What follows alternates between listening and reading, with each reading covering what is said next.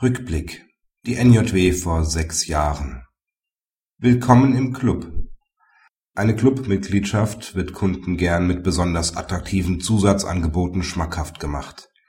In der NJW von vor sechs Jahren (BGH NJW 2003, Seite 3197) war es eine unentgeltliche Überlassung von fünf Büchern, die dem Kunden für den Fall einer zweijährigen Mitgliedschaft in einem Buchclub versprochen wurde der BGH sah darin kein unzulässiges Kopplungsangebot. Die Anlockwirkung eines attraktiven Angebots sei erst dann anzunehmen, wenn beim Verbraucher die Rationalität der Nachfrageentscheidung vollständig in den Hintergrund gerate. Dies sei bei einem Angebot von fünf Büchern noch nicht der Fall.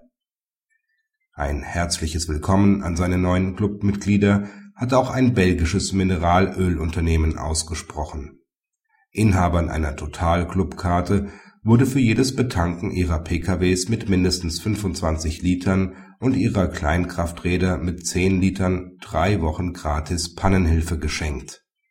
Der EuGH musste infolgedessen das Verhältnis nationaler Regelungen zu Kopplungsgeschäften und der EU-Richtlinie über unlautere Geschäftspraktiken unter die Lupe nehmen (Leitsatz abgedruckt auf Seite 3224 in diesem Heft er erklärte dabei solche nationalen Regelungen für gemeinschaftswidrig, die unter allen Umständen und damit ohne eine Beurteilung des Einzelfalls Kopplungsangebote verbieten.